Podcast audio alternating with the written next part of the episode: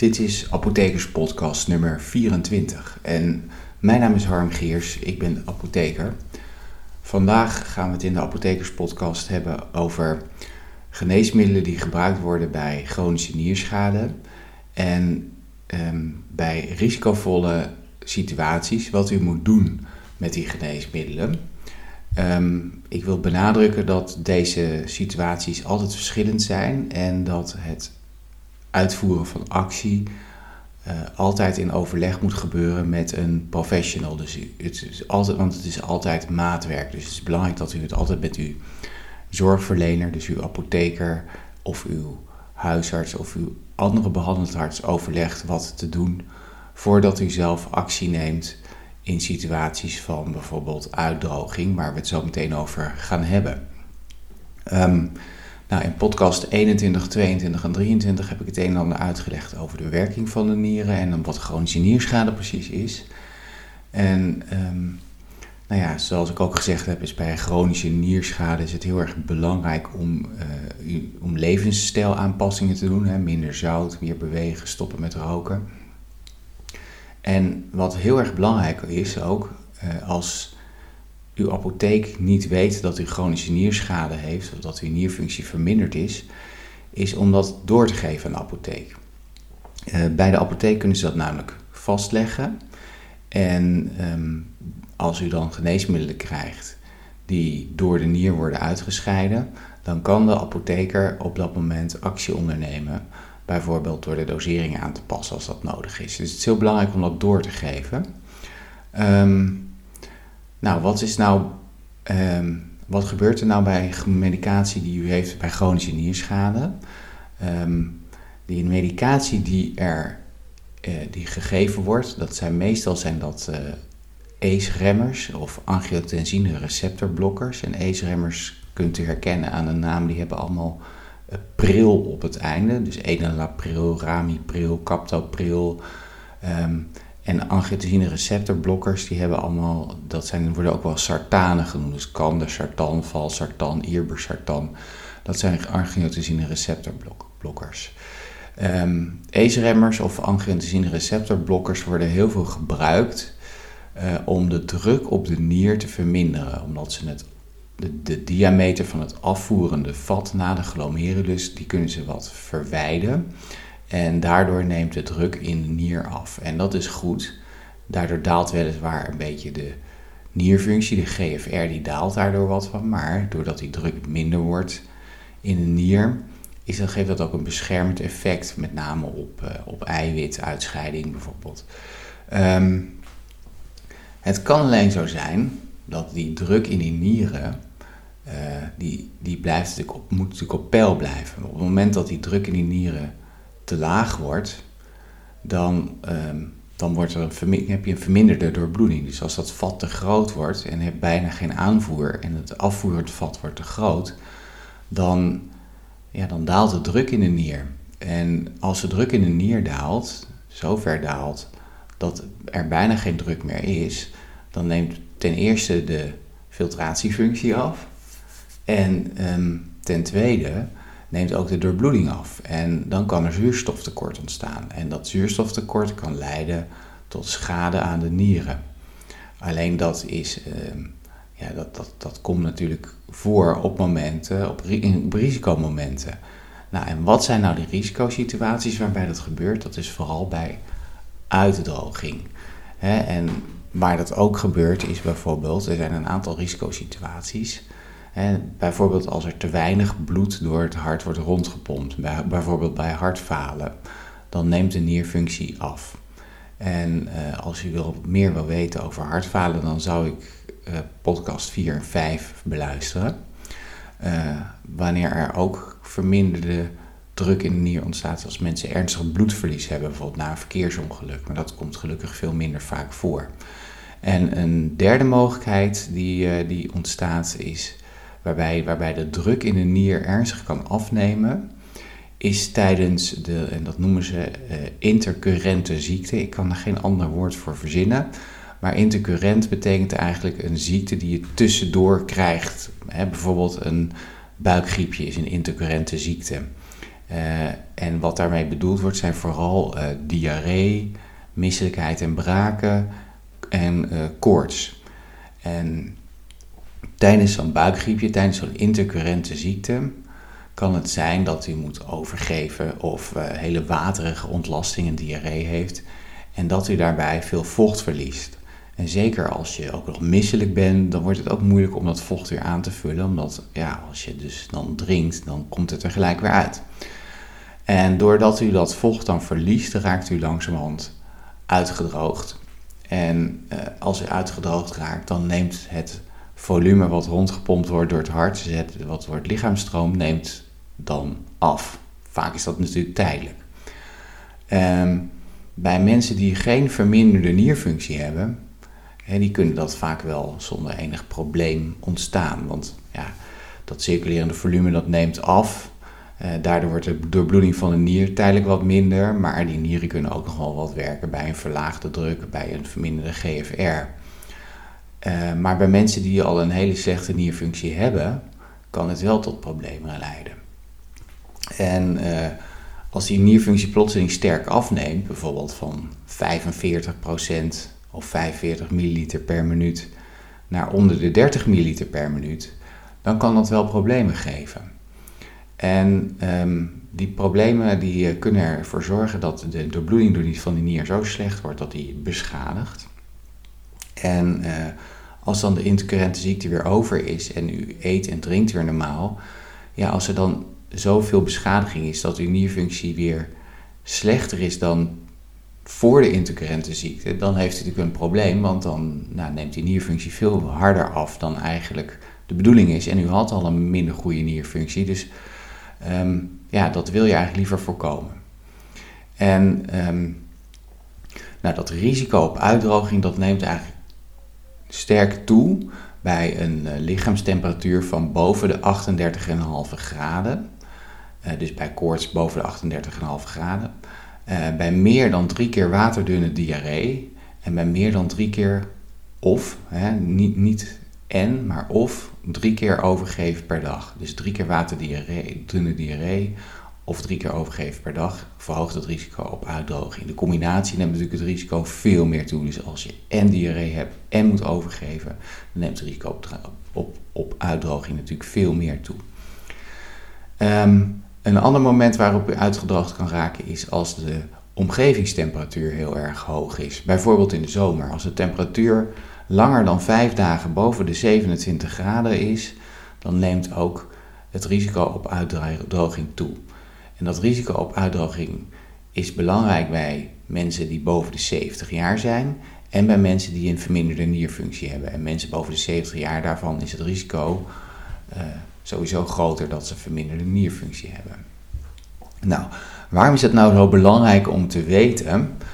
Uh, dat, dat heeft te maken met het feit dat um, mensen met een verminderde nierfunctie vaak ook medicatie gebruiken hè, om de nieren te beschermen. En zoals ik net al zei, die medicatie die wordt gebruikt om de nieren te beschermen. En um, die medicatie verlaagt ook de druk in de nieren.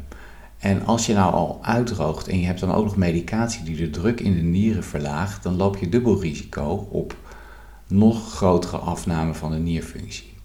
He, dus normaal gesproken zijn al die middelen die je gebruikt bij een verminderde nierfunctie en die moeten zorgen dat de nieren beschermd worden, zijn ontzettend goed. Die werken hartstikke goed en die zijn ontzettend belangrijk. Um, bijvoorbeeld, hè, andere middelen die daarvoor zijn, zijn bijvoorbeeld medicatie die het hart ontlasten, dus zoals plastabletten bijvoorbeeld. Maar plastabletten geven natuurlijk ook uitdroging. In een normale situatie, zonder dat u ziek bent, als u geen intercurrente ziekte heeft, zijn die middelen hartstikke goed. En verminderen ze de druk op, op, op het hart en zorgen ze dat de nieren beter het vocht kunnen afvoeren. En zorgen ze dat er minder eiwit in de urine komt. Hè? Dus bijvoorbeeld ACE-remmers en angiotensine receptorblokkers. En die middelen hebben natuurlijk al gewoon in een normale situatie hele positieve effecten op uw nieren. Maar er is een bepaalde balans en die balans moet niet verstoord worden, die moet niet doorslaan. Dus als u ACE-remmers gebruikt of plastabletten gebruikt en uw nierfunctie is onder de 60 ml per minuut en u wordt ziek, u krijgt een intercurrente ziekte, dan is het heel belangrijk om uh, te weten dat u een ACE-remmer gebruikt of te weten dat u een plasmiddel gebruikt. En om dan ook actie te gaan ondernemen. En die actie, dat moet u niet op eigen houtje doen, tenzij u dat heel goed heeft doorgesproken met uw arts of met uw apotheker. Ehm, maar wat wij eigenlijk adviseren is om dan, uh, sommige geneesmiddelen moet je dan even overslaan. En soms moet je de dosering aanpassen. Van ACE-remmers en angiotensine receptorblokkers wordt namelijk aangeraden om bij uh, dreigende uitdroging om de dosering te halveren. Plastabletten moet je soms even laten staan. Of in sommige gevallen, bij hartfalen bijvoorbeeld, kan je ze niet altijd laten staan, maar moet je ze bijvoorbeeld uh, soms halveren. En het is ontzettend belangrijk om dit te bespreken met uw apotheker, met uw huisarts of uw behandeld cardioloog. Zeker als u hartfalen heeft, omdat er dan een veel minder stabiele situatie is. En zeker in vergelijking met hoge bloeddruk is de situatie veel minder stabiel. En is het altijd maatwerk wat moet gebeuren. En ik zeg, u moet uw apotheker bellen, omdat het ook kan zijn dat u andere medicijnen gebruikt die, u, uh, die bijvoorbeeld door de nier worden uitgescheiden en die soms ook uh, daardoor even gestopt moeten worden. Hè. Denk bijvoorbeeld aan bepaalde uh, bloedverdunners of die door de nier worden uitgescheiden, met name NOAX. Um, maar bijvoorbeeld ook metformine kan een, eh, kan een middel zijn, bij diabetes kan een middel zijn wat je moet stoppen tijdens, even tijdens een intercurrente ziekte bij een verminderde nierfunctie. Dus het is heel belangrijk dat, dat, dat de apotheek heeft dat complete overzicht van uw medicatie. En die kan nog kijken of er nog andere middelen zijn waar wat mee moet gebeuren. En die kan ook overleggen met uw huisarts of cardioloog of er tijdelijk even uh, wat verlaging van uw dosering moet uh, plaatsvinden. Um, en dat heeft met te maken met heel veel geneesmiddelen, hè, meer dan 80% van de geneesmiddelen, die wordt door de nier uitgescheiden. En sommige geneesmiddelen kunnen dan stapelen. En zeker bij intercurrente ziekte, als uw nierfunctie nog verder afneemt, dan, dan bestaat het risico dat die geneesmiddelen ehm, die u inneemt door de nier worden uitgescheiden opstapelen. En zeker als die geneesmiddelen een hele smalle therapeutische breedte hebben, dus als ze heel snel uh, toxisch worden, heel snel bijwerkingen geven, dan is het belangrijk om daar wat aan te doen. Maar doe het nooit op eigen houtje, overleg altijd even met een professional. Nou, een andere tip die heel belangrijk is, is het nemen van uh, pijnstillers. Dat moet u namelijk vermijden. En als u ziek bent en koorts heeft, is het logisch om te denken: ah, ik, moet, ik voel me zo slecht ik ga een pijnstiller nemen. Nou, de enige pijnstiller die je bij verminderde nierfunctie kunt nemen is paracetamol. En dat is relatief veilig. Paracetamol heeft een uh, goede, goed pijnstillend effect en kunt u eigenlijk vaak zonder bezwaar nemen. Um, andere pijnstillers die ook zonder recept verkrijgbaar zijn bij de drogist of bij de apotheek, die zijn niet aan te raden om te nemen tijdens een intercurrente ziekte. En dat zijn pijnstillers als ibuprofen, naproxen, diclofenac. Die pijnstillers die worden ook wel NSAID's genoemd. En NSAID's die kunnen de bloedtoevoer naar de nier verminderen. op het moment dat u koorts heeft of dat er sprake is van dreigende uitdroging, eh, neemt de bloeding van de nier af. En de nier heeft op dat moment nog een eigen uh, mechanisme om, hun, om de doorbloeding op gang te houden. Een soort uh, reddingsmechanisme. En dat is door uh, prostaglandinen aan te maken. Prostaglandinen zijn stoffen die de aanvoerende, het aanvoerende vat uh, verwijden. Dus de diameter doen toenemen, waardoor er toch nog een beetje bloed door die nieren stroomt. Nou, een NSAID is een prostaglandine synthese remmer. Dus dat betekent eigenlijk dat hij de aanmaak van prostaglandines remt. En als je dan ook nog de aanmaak van die prostaglandines remt en je hebt al een intercurrente ziekte en uitdroging en een slechte nierfunctie en dan ook nog pillen die de nierfunctie iets verminderen, of tenminste die de, de, de druk in de nieren doen afnemen, zoals ACE-remmers, en dan ga je ook nog een NSAID nemen, dan neemt ook nog eens een keertje de, het, dan doorbreek je ook nog een keer dat laatste reddingsmechanisme van die nier. Hè, dus dan neemt de doorbloeding nog meer af. En op dat moment ehm, kunnen er, kan er acute nierschade ontstaan. En die acute nierschade leidt uh, regelmatig tot opnames in ziekenhuizen. Dus NSAID's bij intercurrente ziekte en een verminderde nierfunctie absoluut niet nemen. Die, zijn, die kunnen echt tot gevaarlijke situaties leiden. Uh, normaal gesproken zijn NSAID's uh, wel veilig, maar mensen met een verminderde nierfunctie moeten altijd een overleg zo'n NSAID nemen, mocht, mocht dat nodig zijn. Dus die moeten dat nooit op eigen houtje doen. Nou, um, een praktijkvoorbeeld die ik uh, hier heb, waarbij we dit, dit voorkomen, kan ik u noemen uit, uh, dat is een voorbeeld van een meneer van 80 jaar. En we zagen eigenlijk dat, uh, dat in juni 2018 zijn nierfunctie 42 milliliter per minuut was. In augustus nam die wat af naar 37. September was hij 39 op 18 september. En 20 september zagen we in één keer dat hij 27 was. Meneer was ziek. En deze meneer gebruikte uh, een aantal geneesmiddelen. Hij had hartfalen en hij had atriumfibrilleren. Uh, of boezemfibrilleren. En als u daar meer over wilt weten, dan moet u in een van de vorige podcasts maar luisteren wat dat is. Maar hij gebruikte daarvoor één keer per dag 40 milligram furosemide, wat een sterk, sterk plasmiddel is. Hij gebruikte lisinopril 20 milligram per dag, wat een ACE-remmer is. Hij gebruikte metformine 2 gram per dag, en dat is middel tegen diabetes. Twee keer per dag 80 milligram sotalol, dat is een beta-blokker die zorgt dat de hartfrequentie vermindert.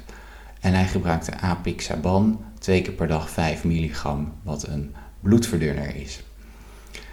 Um, bij deze meneer nam de nierfunctie zo erg af en hij gebruikte medicatie die de nierfunctie, de druk in de nieren doen verminderen. Punt 1 gebruikte die furosemide, waardoor de uitdroging nog sterker was. Punt 2 gebruikte die de ACE-remmer lisinopril, waardoor de druk in de nieren afnam. En dan gebruikte hij ook nog geneesmiddelen die worden uitgescheiden door de nier, metformine en sotalol. En bij apixaban moet je onder de, onder de, onder de uh, 30 ml per minuut, een GFR van 30 ml per minuut, de dosering aanpassen. Dus bij deze meneer moesten we bij vijf medicatie moesten we zijn dosering aanpassen. Hebben zijn furosemide aangepast van 40 naar 20 milligram per dag, zijn lisinopril van 20 naar 10 milligram per dag, zodat de druk in de nieren min, uh, toch iets hoger bleef. Zijn metformine hebben wij gestopt tijdelijk, uh, omdat, hij, uh, omdat dat metformine bij, wordt door de nier uitgescheiden. En als, het, als iemand ziek is en al weinig eet, dan kan metformine ook nog zorgen voor, als het niet wordt uitgescheiden, voor een lactaatacidose, dus dat is gevaarlijk. En twee of drie dagen stoppen met die metformine is helemaal niet erg. Uh, de sotalol-dosering hebben we ook verlaagd van 2 keer 80 milligram naar 1 keer 80 milligram. En zijn apixaban-dosering moest ook worden verlaagd van 2 keer 5 naar 2 keer 2,5 milligram. En op, op, in, op, op 1 oktober 2018, hè, na 20 september die nierfunctie hebben gezien van 27, hebben we op 1 oktober 2018 de nierfunctie nog een keer gemeten. Die was toen van 27 milliliter per minuut naar 54 milliliter per minuut weer gestegen. En in december 2018 had deze meneer weer een nierfunctie van boven de 90 milliliter per minuut. Dus het uh, aanpassen van de medicatie heeft hier, uh, in ieder geval deze meneer, uh, heeft hij voorkomen dat zijn nierfunctie verder is gedaald, dat hij acute nierschade heeft gekregen. En uiteindelijk is hij er heel goed weer uitgekomen dankzij een aanpassing in de dosering, wat, wij wat, wij, wat de apotheker heeft uh, gedaan in overleg met de huisarts. Dus het is heel belangrijk dus dat die, het bekend is bij uw apotheek dat de nierfunctie minder is. Um, nou, wat kunt u nu zelf doen? Boven, bent u boven de 70 jaar, heeft u een verminderde nierfunctie en heeft u de volgende verschijnselen: vaker dan drie keer per dag waterige diarree, of vaker dan drie keer per dag overgeven, of een lichaamstemperatuur van boven de 28,5 graden Celsius, of een omgevingstemperatuur die hoger is dan 27 graden gedurende langer dan 5 dagen, dan is het belangrijk dat u advies inwint bij uw huisarts en uw apotheker en eh, dat u overlegt of er iets moet gebeuren met uw medicatie. En dat moet u niet zelf doen, moet u altijd een overleg doen. Als u pijn heeft, neem dan als pijnstiller paracetamol en geen andere middelen die u zonder recept kunt krijgen. Dus vooral geen NSAID's. En onthoud dat er altijd sprake is van maatwerk. En wat ook heel goed is, dat u bij de Nierstichting kunt u een folder downloaden. Die is gratis beschikbaar en die heet Soms moet u uw medicijnen even overslaan. Op, het, uh, op apothekerspodcast.nl vindt u een uh, samenvatting van deze podcast op papier en daar is ook een linkje naar deze folder geplaatst. En die kunt u dan door op dat linkje te klikken, kunt u die folder zo downloaden. En uh, dat was de podcast voor vandaag.